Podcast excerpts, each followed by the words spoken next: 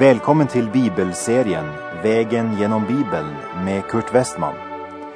Vi håller nu på med Andra Konungaboken. Slå gärna upp din bibel och följ med. Programmet är producerat av Norea Radio.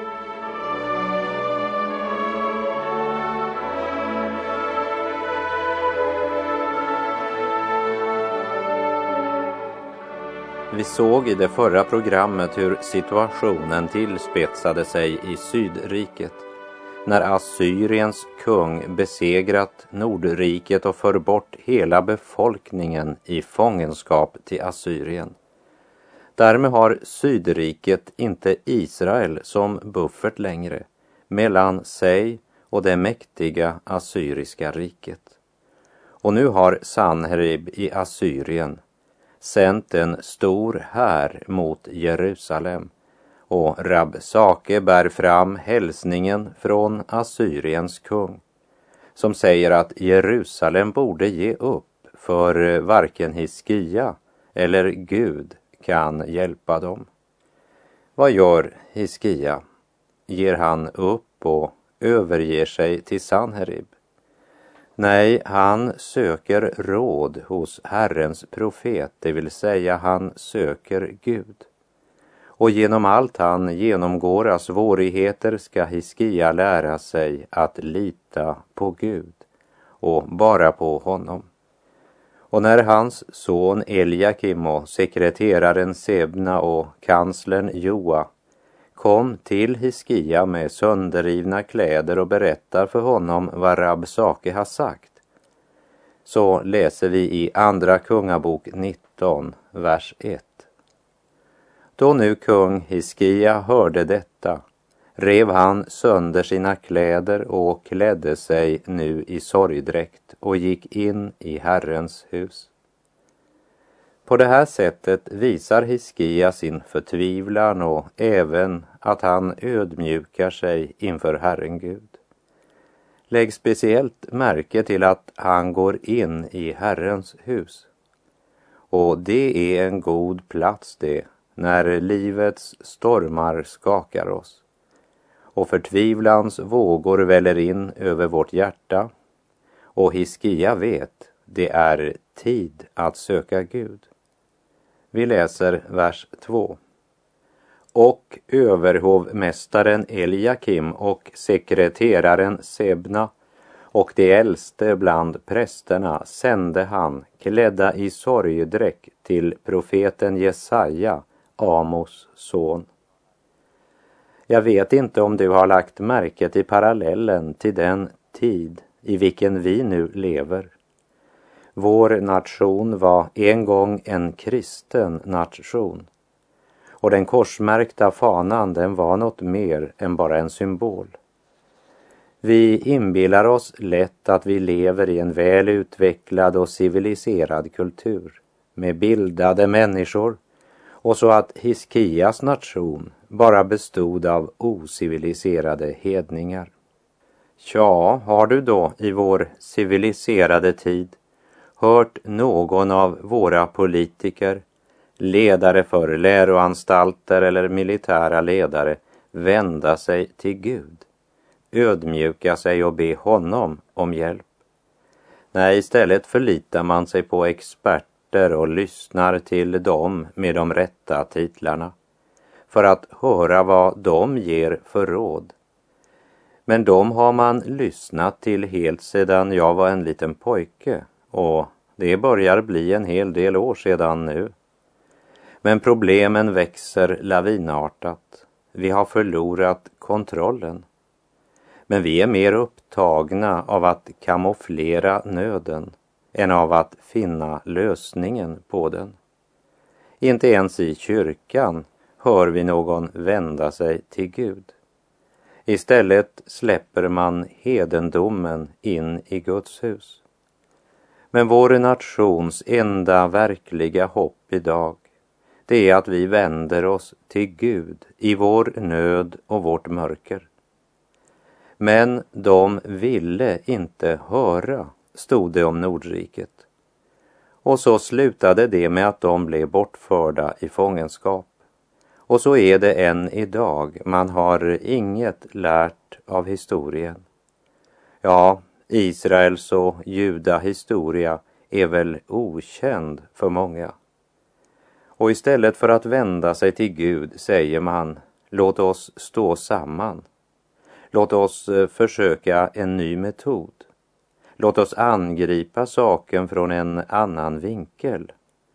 Låt oss eh, anordna en stor konferens omkring problemet.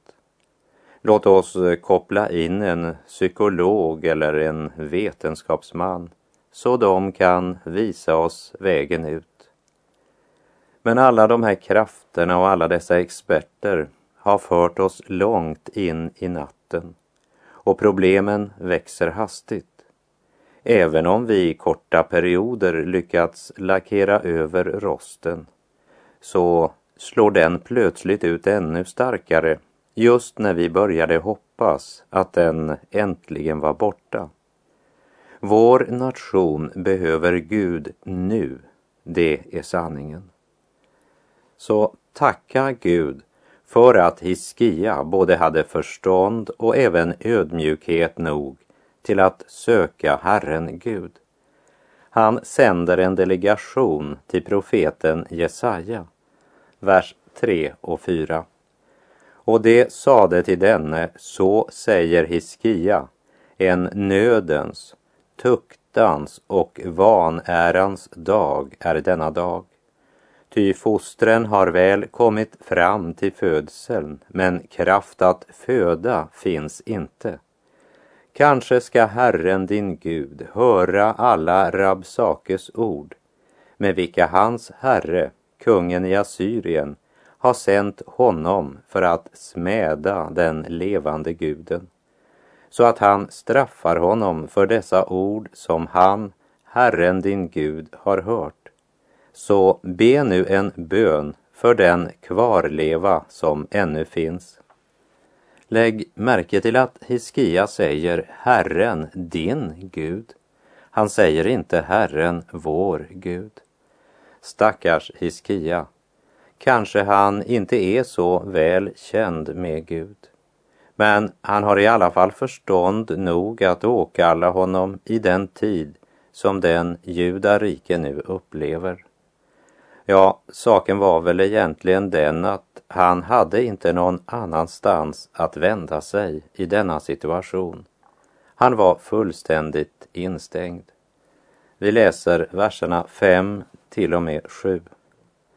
När nu kung Hiskias tjänare kom till Jesaja sade Jesaja till dem, så ska ni säga till er herre, så säger Herren, frukta inte för de ord som du har hört, dem med vilka den assyriske kungens tjänare har hädat mig.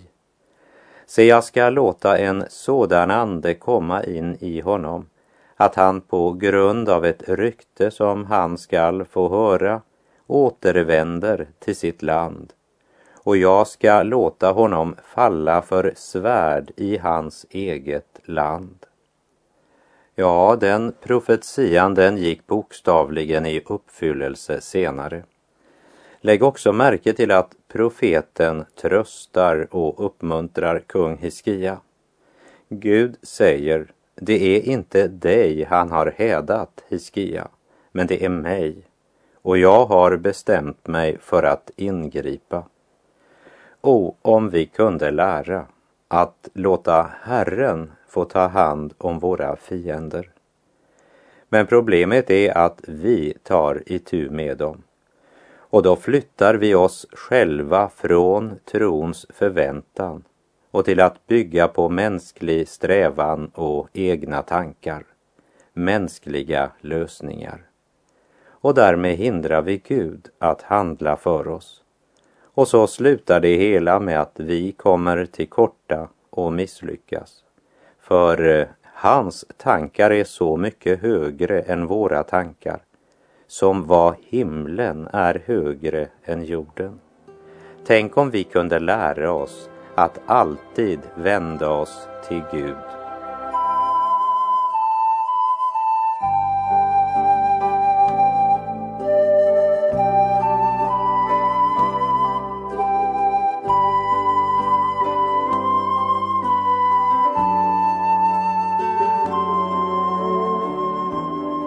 Andra Kungabok kapitel 19, verserna 8 till och med 13. Och Rabsake vände tillbaka och fann den assyriska kungen upptagen med att belägra Libna. Ty han hade hört att han hade brutit upp från Lakis. Men när Sanherib fick höra sägas om Tirhake, kungen i Etiopien, att denne hade dragit ut för att strida mot honom, skickade han åter sändebud till Hiskia och sade Så ska ni säga till Hiskia, Judas kung. Låt inte din Gud, som du förtröstar på, bedra dig så att du tänker Jerusalem ska inte bli givet i den assyriske kungens hand. Du har ju hört vad kungarna i Assyrien har gjort med alla andra länder, hur de har gett dem till spillo. Och du skulle bli räddad. Har väl det folk som mina fäder fördärvade, Gosan, Haran, Resef och Edens barn i Telassar blivit räddade av sina gudar? Var är Hamats kung och Arpads kung och kungen över Sefarvaims stad, över Hena och Iva? Ja, mänskligt sett så var det här ett budskap som borde skapa oro. För det var faktiskt sant att den assyriska kungen hade besegrat allt som låg i hans väg. Och nu frågar han Hiskia hur han kunde inbilla sig att han skulle kunna komma undan. Vi läser vers 14. När Hiskia hade mottagit brevet av sändebuden och läst det gick han in i Herrens hus och där bredde Hiskia ut det inför Herrens ansikte.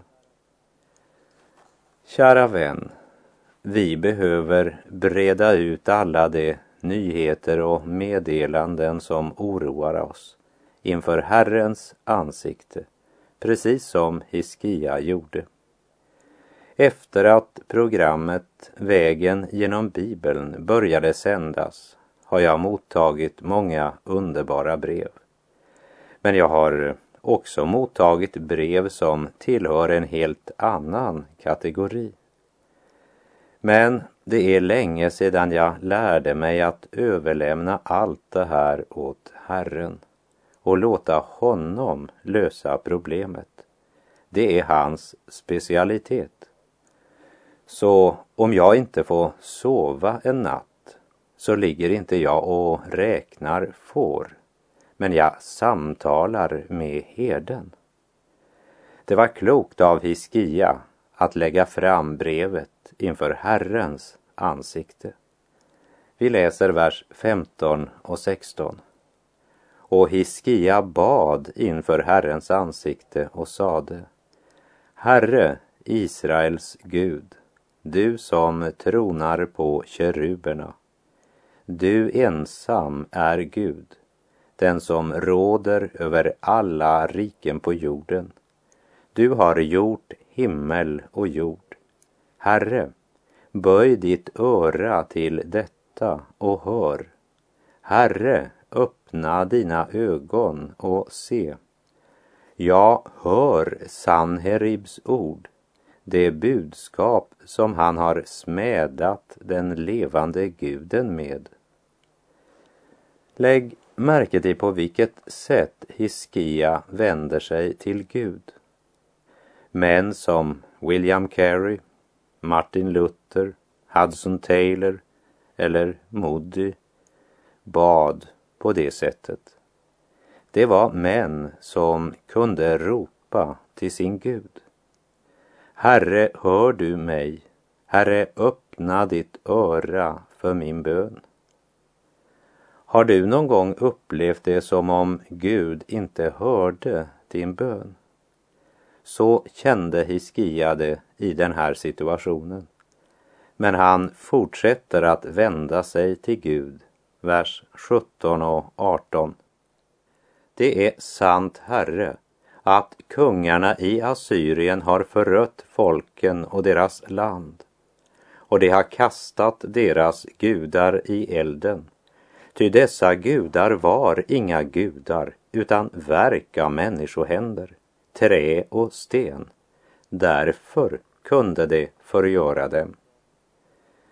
Det som Rab Sake hade sagt, det var sant. Assyriens krigshär hade besegrat kung efter kung och kastat deras gudar i elden. Men, säger Hiskia, deras gudar var ju bara människoverk. Och så ber han Gud gripa in så att alla riken på jorden kan förstå skillnaden mellan religion och tro på den levande Gud. Vers 19. Men rädda oss nu, Herre vår Gud, ur hans hand så att alla riken på jorden erfar att du, Herre, ensam är Gud. Hiskias bön, den gäller lika mycket Guds ära som Hiskias räddning. Och nu ger Gud kung Hiskia svar genom profeten Jesaja. Vi läser vers 20. Då sände Jesaja, Amos son, bud till Hiskia och lät säga, så säger Herren, Israels Gud. Det som du har bett mig om angående Sanherib, kungen i Assyrien, det har jag hört. Gud låter Hiskia veta att han har hört hans bön. Även om Hiskia ännu inte kan se skymten av bönesvaret.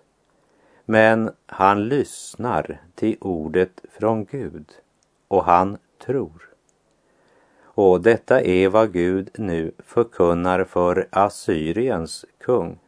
Vers 21 till och med 24 så är nu detta det ord som Herren har talat om honom. Hon föraktar dig och smädar dig, jungfrun, dotter Sion. Hon skakar på huvudet åt dig, dottern Jerusalem. Vem har du smädat och hädat? Och mot vem har du höjt din röst? Allt för högt har du upplyft dina ögon ja, mot Israels helige.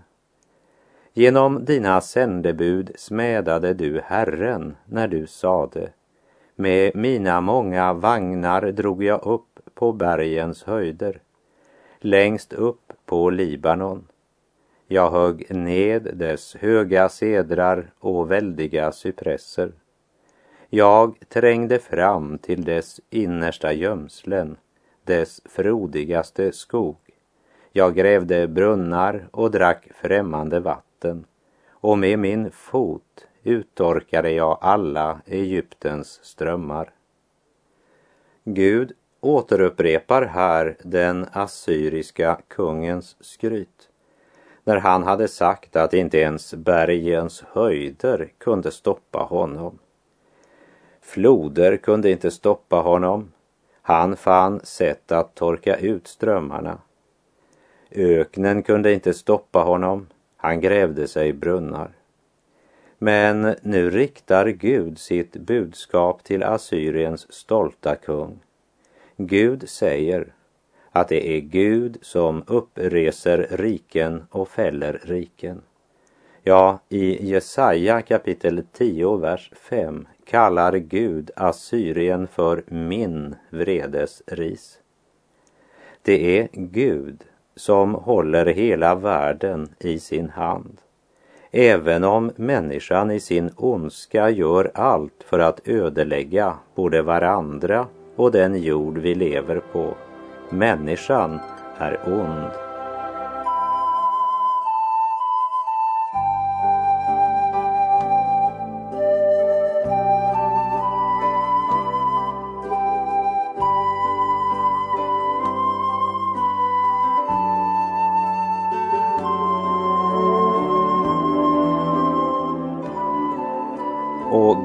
Förkunnar vidare för den stolte assyriske kungen. Andra Kungabok 19, 25 och 26.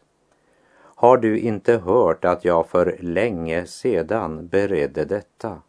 Av ålder bestämde jag ju så. Och nu har jag genomfört det. Du fick makt att ödelägga befästa städer till grusade stenhögar.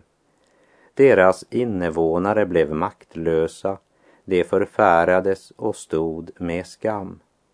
Det gick dem som gräset på marken och gröna örter, som det som växer på taken och säd som förbränns innan strået har vuxit upp. Det Gud egentligen säger är att länderna som Assyrien angrep kunde inte försvara sig så effektivt därför att Gud hade låtit fylla deras hjärtan med fruktan. Det var Guds dom över dem. Och så säger Gud vidare till Assyriens kung i verserna 27 och 28. Om du sitter eller går ut eller går in så vet jag det och hur du rasar mot mig. Men då du nu så rasar mot mig och då ditt övermod nu har nått i mina öron ska jag sätta min krok i din näsa och mitt betsel i din mun och föra dig tillbaka samma väg som du har kommit på.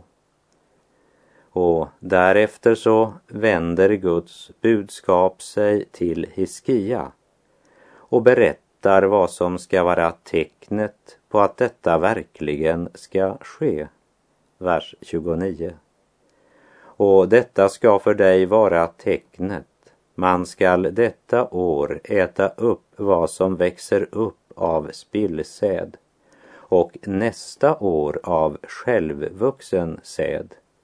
Men det tredje året ska ni få så och skörda och plantera vingårdar och äta dess frukt. Det är tydligt att närvaron av assyriska trupper har hindrat folket i Jerusalem att både så och skörda. Gud ger nu ett löfte om att kornet som växer vilt, det ska vara nog att leva av och även nog till att kunna så det tredje året och då skörda i fred. För då ska Assyriens soldater inte längre vara där. Vi läser verserna 30 till och med 32. Och den räddade skara av Judas hus som blir kvar skall åter skjuta rot ned till och bära frukt upp till. Ty från Jerusalem skall utgå en kvarleva, en räddad skara från Sions berg. Herrens nitälskan ska göra detta. Därför säger Herren så om kungen i Assyrien. Han skall inte komma in i denna stad och inte skjuta någon pil dit in. Han skall inte mot den föra fram någon sköld eller kasta upp någon vall mot den. Ja, Jesaja kommer med ett otroligt frimodigt uttalande. Men det är Guds ord. Och säkert var det många i Jerusalem som undrade om Jesaja verkligen var en sann profet. För eh, när Jesaja hade profeterat att en jungfru skulle bli havande och föda en son så sa folket sannolikt ja, och när ska det ske? Men det skedde inte förrän 700 år senare och ingen av dem som hörde Jesaja uttala profetian var i livet när den blev uppfylld. Men nu så står den assyriska hären utanför stadsmuren. En mäktig armé som intagit allt som låg i deras väg.